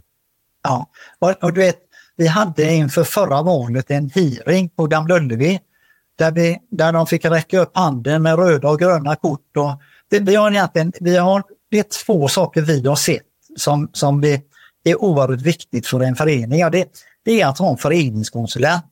Alltså att ha ett, någon som hjälper ledarna som kan sköta, jobba med rekrytering och så vidare. De föreningarna, när du tappar din föreningskonsulent, eh, då, då börjar föreningen tappa. Och så vi har sagt, inför ett, ett eh, föreningskonsulentbidrag. Eh, generellt. Så att, eh, så att det, det, är väl använda pengar. Och sen måste man också se att i våra utsatta områden i alla fall, Eh, det är ju Tynnered ute i väster och så är det Biskopsgården, Backa och Angered. Det är där det händer saker. Där, där kanske man, och, och du vet eh, i Gunnelse som man känner väl, eh, där har man ju så här, jagat föräldrar i, i alla år. Alltså vi måste ha mer föräldrar som ställer upp ideellt. Du hittar inte dem. Så jag tror man måste inse att man behöver två olika system. Ett system där man jobbar i, i, i de välartade områdena i Göteborg. Där har du inga bekymmer med att få folk som kör till matcherna och ledare som ställer upp och, och så. Men i, i de här andra områdena finns inte de föräldrarna.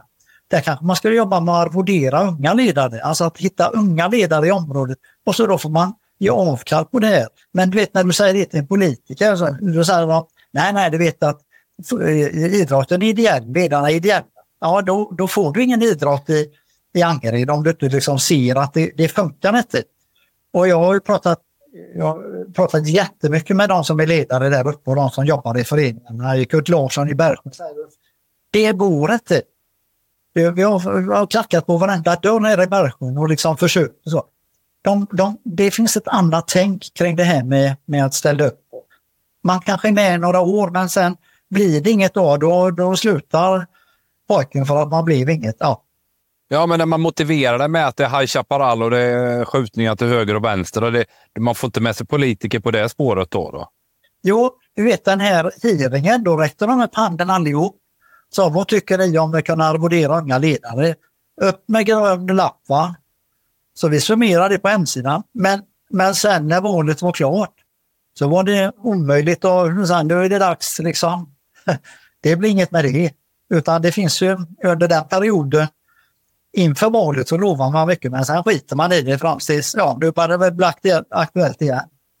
Eh, det är ju en bister fråga som är liksom politiskt och, och man får eh, ställa politikerna till svars. Men om vi, vi tittar rent fotbollsmässigt just att det här att basen minskar, att det inte bara i utsatta områden, ser man ute på landet i, i, Sverige att eh, många spelar fotboll i storstäder men ute i landet blir det svårare och svårare. Hur, hur är det negativt för svensk fotboll? Ja, du har ju en, du har ju en, dels har du en anläggningsproblematik där vi har ett stort antal anläggningar som ligger för fäfot och där eh, eh, som också blir en belastning för de här gamla, leda, eh, gamla medlemmarna som är kvar.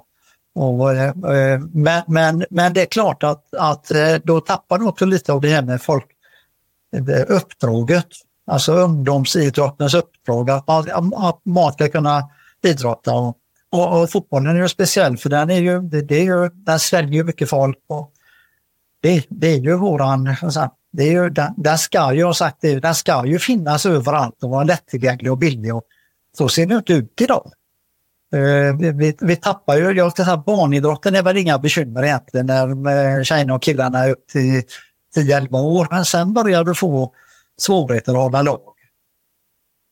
Eh, ungdomsfotboll, barnidrott blir ofta väldigt laddat. Och jag menar, vi ser ju diskussioner när man tar bort tabeller och Eh, man ordnar med seriespel på ett annat sätt i, i Stockholm och det blir snabbt liksom att folk blir, eh, så var det inte på min tid och man måste kunna lära sig vinna och liknande. Hur, hur ser du på att det alltid flammar upp och att man kanske inte är så där nykter i analysen? Nej, vi tog ju bort, eh, vi tog bort våra tabeller 95 i Göteborg. Alltså, vi, vi slutade publicera dem upp till 12 år. Om det är skälet att det användes för att inte låta spelare vara med. Alltså att det påverkade. Ja, du har det här med avbytarsystemet då att, att ja, nu vet, måste vi ha ett bra lag. Och, och, hela, så, eh, det, och då sa vi ta bort det, vi publicerar inte, vi spelar, vi notar serierna och spelarna men vi la inte ut eh, tabellerna. Sen var det väl givetvis de som via fax och annat på den tiden såg till att, att, att resultaten fanns. Men vi sa vi gör inte det för att vi tycker att det har för negativ effekt. Många av dem som idag raljera lite. Här, vet du, han, du, de har snart bort målen på fotbollsplanen. Alltså, de har ju spelat i det systemet i Göteborg. Ja, det vill säga, är du född eh, 88 och senare eller ja, så har du spelat med det och de har säkert inte tänkt på det. Sen tror inte jag att, att, att det här med att inte publicera tabeller, det är för mig ingen stor sak. Det är mer att vi vuxna inte kan hantera det. Eh, så att, så att jag har ingen motståndare till tabeller av det skälet. Men när det används liksom för att motivera att inte, ja, du kan inte vara med och spela för nu möter vi, ja, liksom så. Då blir det galet. Vad är dina viktigaste budskap till de som sitter och bestämmer kring det här där det är elit kontra bredd? Vad är, det, vad är viktigt att de tänker på? Jag tycker man måste resonera sig fram till, till ett, ett gemensamt koncept som inkluderar både bredden och eliten och där man har plats för båda. Och det finns. Det, jag är alldeles övertygad om att man, man sätter sig och resonerar och inte liksom börjar med att gräva ner sig i skyttegravarna så kommer man att kunna hitta ett, en bra lösning egentligen för svensk ungdomsidrott. För det handlar också det om när ska du börja specialisera dig. Och, och, och jag är ju, det blir också som man, jag är en gammal multidrottare, jag har rätt skaplig tennis. Jag tror att jag har haft jättemycket nytta av det i min fotbollskarriär. För jag har fått hantera taktiska saker. Alltså få börja med att spela på att backhand. Liksom, ja, är, den då, är den bra då? Det, jag har inte fortsatt att spela på backhand, då förlorar jag matchen. Jag får spela på våra. Ja, ja. Är den också bra, då får jag spela höga bollar. Alltså liksom att, att lära sig det taktiska då, att få klara av att hantera det själv. Det har du jättenytta av i fotbollen med. Nu möter jag en som är snabb, hur ska jag hantera honom eller henne då? Det, det, så att, det, det, det tror svensk idrott mår jättebra av om vi har öppet och lär av varandra. Jag, till exempel hand, handidrotter, där du jobbar med, med händerna, då är det mycket högre precision. Vilket gör att spelar du handboll så kan du tänka tre steg längre. Alltså nu går bollen ut på kanten och in i mitten och så kommer Dahlsson på andra sidan. Då kan du börja få taktiskt, taktiskt tänk. Men fotbollen är mycket svårare eftersom du fordras en viss teknik för att kunna liksom, gå steg i förväg. Då. Eh, men jag tror att du har nytta av, av handidrotten för att liksom börja lära dig tänka och se saker, liksom se saker i flera led. Det vet jag, då hade jag en... Jag följde ju Agnes Simonsson till slut, vi hade en väldigt bra relation. I de diskussionerna, det var en alldeles exceptionellt bra fotbollsanalytiker. Men i de diskussionerna kring liksom, eh, det här med att tänka och se saker, vad som händer i nästa skede och så, hade vi jätteroliga diskussioner kring, kring det och, och, och, och, och saker som man tar med sig in och får en effekt av. Så att eh, det vidgar, om man vidgar inte bara så svensk fotboll utan svensk idrott skulle må bra av att resonera sig fram. För nu ljuger vi för varandra. Vi säger nej, det är klart att klart att de får hålla på med andra idrotter också, men samtidigt så lägger vi idrotterna mot varandra. Så att tisdagar är det både handboll och fotboll. Så då måste du göra ett val och väljer du det ena och då får du ta med på det andra. Så att, så att vi, vi, vi, skulle kunna underlätta och skapa jättemycket bra aktiviteter. Och, och, eh, och, ja, och kopplat till bredd och elit, ja det är klart det finns en lösning på, som gör att vi kan både värna om bredd och, och, det, men också se till att vi får en bra verksamhet. Jag tror dock att vi måste se att vi kanske behöver ha ett längre tidsperspektiv. Vi kanske inte kan mäta oss med de internationella länderna när de är fem, men vi tar dem när vi är 23.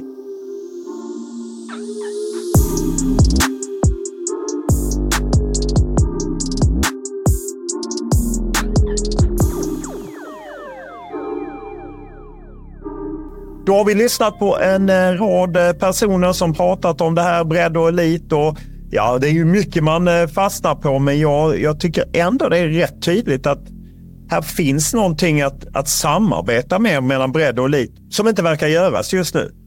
Nej, men det är klart att det är en elit och en topp och, och framförallt eh, den allsvenska fotbollen tillsammans med, med då flaggskeppet landslaget. Att det skapar intresse för en bredd att börja vilja spela fotboll. Jag tänker väl så här att varför började man en gång själv att spela? Ja, men det är glädjen att, att, att liksom, eh, umgås med vänner, såklart att tävla. Eh, och just den här glädjen till idrott och få, få liksom utöva tävling dag ut och dag in. Eh, att, att den får bibehållas så långt upp i åldrarna som det bara går. För det, det, min känsla nu är att det går mer och mer åt att det, det, man får liksom inte glömma att det är glädjen som är basen i hela fotbollsspelandet och inte att man ska tjäna massa jävla pengar och bli miljonär och sen så ska man bli proffs. Utan glädjen börjar allting med. Ja, eh, så är det ju. Eh, jag tyckte det var intressant att lyssna på Kenneth Öberg som ju, där Stockholm ju gör sånt avtryck. Eh, levererar ut mycket spelare i Europa, i landslaget, både på, framförallt på här, men han menar ju att det kommer komma mycket nu på tjejsidan i och med att det också blivit mer av en yrkesväg. Man kan eh, leva på fotbollen på ett helt annat sätt än vad man kunde tidigare. Och att, eh, han hänvisar till fyra saker. Konstgräs, träff på den stora folkmängden, att den professionaliseringen bland ledarna och att det är bra förutsättningar med träning året runt. Det är väl en del av dem som är, är utmaningar, just att man har professionella ledare och, och liksom träning året runt konstgräs. Det är väl det som är utmaningen för delar av Sverige, eller hur? Nej, men definitivt. Eh, stora delar av Norrland är ju ett enda stort svart hål tyvärr. Då. Det Kenneth är inne på det är att man bor ju ganska tätt. Man kan ta del av erfarenheter eh, lokalt. Man kan se och lära på, på, av varandra, så att säga. Så, såklart att de stora Stockholmsklubbarna i form av Djurgården, eh, Hammarby framförallt som är otroligt framgångsrika och på frammarsch nu på damsidan.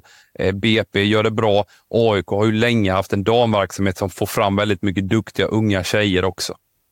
Ja, och där får man ju säga att det är ju rätt otroligt att alla de fyra föreningarna i Stockholm du nämner har alla eh, allsvenska lag på här och damsidan under nästa år. Det säger väl också lite. Därmed tyckte jag det var intressant. Eh, jag som journalist fastnar jag alltid när folk är lite liksom pekar på något eh, där det finns någon eh, konflikt. Man hoppade ändå till när han nämnde det här om att förbundet har den här världsledande spelarutbildningen. Det är det som är målet. Han var ändå tydlig med att det måste hända mer. Han var själv överraskande när han såg det hela. Och han menar att när man kan slå fast att det är världsledande, ja det är ju någon annan säger det än svensk. Men är inte det lite typiskt de här fina orden som man gärna använder sig av, men som man inte följer upp med något innehåll? Nej, men tränar och spelarutbildning eh, i världsklass överensstämmer ju inte med de förutsättningar vi ger för att kunna lyckas. Så att han är helt rätt på det där och jag menar, där har vi ju hört i tidigare avsnitt också om infrastrukturproblem och, och antal tränare. Så att för att kunna verkliggöra de målen som, som man har då i den visionen behöver man ju tillsätta otroligt mycket mer medel och liksom hjälpa till på olika sätt. Jag tyckte det var intressant att höra Peter Kesaludi som jobbat länge i BP att han dels pratar om här att det är, ja, men det är klubbarna som har den dagliga verksamheten, därför ligger ansvaret där och det är på något sätt upp till SEF och i viss mån EFD att se till att alla jobbar på rätt sätt. Men han lyfter fram det här att, att när han var i BP, Kim Bergstrand var tränare för A-laget, vad saknade spelarna? Ja, de kunde inte nicka, de kunde inte slå långpassningar för att de tränade på så begränsad yta att den effekten fick man liksom. Och han trycker också på det här eh, ungdomsträningen, liksom 8 till 12 teknik, att det är där man brister. Ja, och det är framförallt en, en eh, kompetens och kunskapsfråga, eh, ska jag säga, som, som han kommer tillbaka till, eh, Peter Kisvalode, i form av att liksom, i vilken ålder är man mottaglig för viss typ av information och, och när är den här golden age som han är inne på också kring teknikinlärning och sådär. Det, det, det är ju den typen av eh, specifik eh, riktad träning i viss typ av ålder som är så otroligt viktig och det kräver kompetens och kunskap. Och det här anläggningsfrågan eh, tar ju han upp också. Där är det ju liksom skrämmande då att eh, alla lag i, i Stockholmsområdena har otroligt svårt att få till liksom en, en helplan till exempel. Att kunna träna på stora ytor. Det är lite det vi var inne också tidigare på fotbollsatleter. Att, att eh, Elisabeth Gunnarsdotter tycker att liksom de isländska spelarna på damsidan som hon nämner är, är bättre rustade fysiskt. Så det är också en del i detta. Inte bara det tekniska som att man inte kan, kan nicka eller stå långpassningar för man har aldrig tränat på det, utan även det fysiska ingår i det begreppet skulle jag säga. Och eh, anläggningsfrågan kommer vi komma tillbaka till. Det blir avsnitt eh, sex med eh, nya generalsekreteraren Andrea Möllerberg som ju själv ordnat fram en en eh, fotbollshall i, i Väsby där hon engagerade sig. Så att vi kommer komma tillbaka till det. Johan Jokvist eh, är ju kritisk till förbundet. Det är ju inte konstigt. Han har ju drivit andra riktningar. Men jag tycker det han är intressant som han säger är att liksom ta fram pengar, slå ihop distrikten. Det var ju faktiskt det förbundets ledning ville göra. Att för att få ut mer pengar till fotbollen. För det är just det som saknas och han menar att det är klart att vi ska ha 51% regeln men det gör att vi inte kommer få kanske in kapital på samma sätt och då måste vi hitta andra sätt. För visst är det en vikt att få in mer pengar till och ut i fotbollen snarare än att det handlar om administration. Ja, definitivt. Framförallt eh, rikta om de pengarna som finns. Det är inte säkert att alla vill ju ha mer pengar, men det är inte säkert att vi får mer pengar. Det är tufft e- ekonomiskt klimat allmänt eh, i världen och framförallt i Sverige just nu. Så vi behöver rikta pengarna där det gör förändring kan man säga i rätt riktning. Eh, och, och, där var väl både Kisvalodi och då Johan Jokvist eh, inne på det här att, att eh, elitklubbarna kan eh, ta ett större ansvar, men då måste det ge dem också medel att, att ta det ansvaret lokalt i regionen där de verkar. Till exempel att utbilda eh, breddföreningarnas tränare i högre utsträckning. Och då behöver vi också ge medel för, för möjligheter att kunna förverkliga den typen av, av verksamhet och fortbildning på tränarsidan, tycker jag. Ulf Karlsson eh, var ju inne på det som han eh, och Göteborg ju skakat om i fotbollssverige. De har ju drivit den här motionen att de ska ha del av framförallt pengarna som Svensk Elitfotboll på här sidan tar in eh, från media och tv. Eh, och eh, är det rimligt, tycker du, att, eh, att bredden får en del av vad eliten tar in eller ska det stanna? Vi kan ju ta England till exempel. Premier League är ju tvingade att skicka ner pengar Sen har ju de enormt mycket mer pengar än vad svensk elitfotboll har. Men är det rimligt att något går ner till en del av klubbarna under den översta eliten? Ja, men det tycker jag definitivt. Sen i vilken utsträckning man får igenom det, det är väl, det är väl svårt att, att säga om här idag. Men det är klart att definitivt att det finns eh, rim och reson i det resonemanget. Framförallt så tycker jag väl att den typen av pengar behöver ju också riktas och öronmärkas mot utveckling och bibehållen eh, vad ska man säga, eh, struktur i den typen av verksamhet. Så inte det heller då landar i spelarlöner. För det är ju det han var inne på, Ulf Karlsson, att mycket av de tv-pengarna som kommer in går till spelarlöner, inte till utveckling av verksamhet. Han är ju inne också på intressanta frågor med just det, men utsatta områden där eh, de har svårt att ha föräldrar som ställer upp. och föreningar på något sätt eh, säckar ihop. Han menar att vi måste jobba med idrottskonsulenter för det hjälper föreningar att eh, fungera. Det finns ju både en rent egoistisk aspekt att, att det finns talanger där så att fotbollen kan suga upp de talangerna. Men det finns ju också den sociala aspekten att, att fotbollsföreningen är viktig där. Eh, och, och det kan man ju också förstå att de vill ha pengar ut i bredden för att ja, det är ju trots allt alla är med i samma pyramid. Ja, och sen är det ju en, en stor samhällsfråga då också med, med gängkriminalitet och, och social hållbarhet i stort också. Att, att de Eh, få med sig den typen av eh, ungdomar längre upp i åldrarna. Så för mig är det liksom en politisk fråga som borde vara liksom högaktuell och brinnande för många att eh, ta in och liksom förstå att här behöver vi finansiera möjligheter för Eh, aktivitet för unga människor. Så det är ju en självklarhet att det borde politiker intressera sig för, tycker jag. Håller med och det var ju inte så förvånande, även om det var deprimerande att höra Ulf Karlsson berätta om man just hade haft en, en hearing med alla politiska partier i Göteborg och inför valet var alla för det. Efter valet var det något annat. Ja, eh, det är så eh, tyvärr, men vi kör vidare. Blågul framtid om krisen i svensk fotboll, vår poddserie nu kört fem avsnitt. Har ni inte hört de andra, gå tillbaka och lyssna på dem. Vill ni vara med och snacka och debattera, ha synpunkter, mejla mig olof.lund.tv4.se. Dela med Erik. Eh, vi finns ju bägge på X eller Twitter. Eh, så att det är bara att hugga på där, för det är bara kul. Eh, vi vill ha igång en diskussion om eh, det här för att eh, vi vill ju på något sätt belysa att eh, det är lite jobbigt just nu i svensk fotboll, men att det kan finnas några ljus i mörkret, eller hur? Ja, men det är klart det finns eh, mycket positivt med svensk fotboll. Sen behöver vi ta tag i saker och det eh, tycker jag många av de här eh, gästerna vi har haft eh, står ju för otroligt mycket spetskunskaper inom sitt specifika område som bidrar till, till utveckling.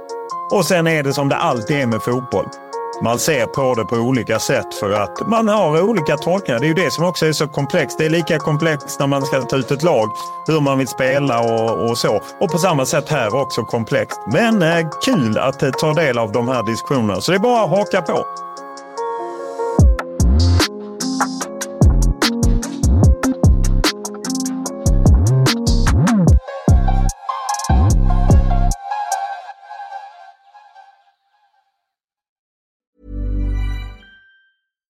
Deserves the best, and there's no better place to shop for Mother's Day than Whole Foods Market. They're your destination for unbeatable savings, from premium gifts to show-stopping flowers and irresistible desserts. Start by saving 33% with Prime on all body care and candles. Then get a 15-stem bunch of tulips for just $9.99 each with Prime. Round out Mom's menu with festive rosé, irresistible berry chantilly cake, and more special treats. Come celebrate Mother's Day at Whole Foods Market.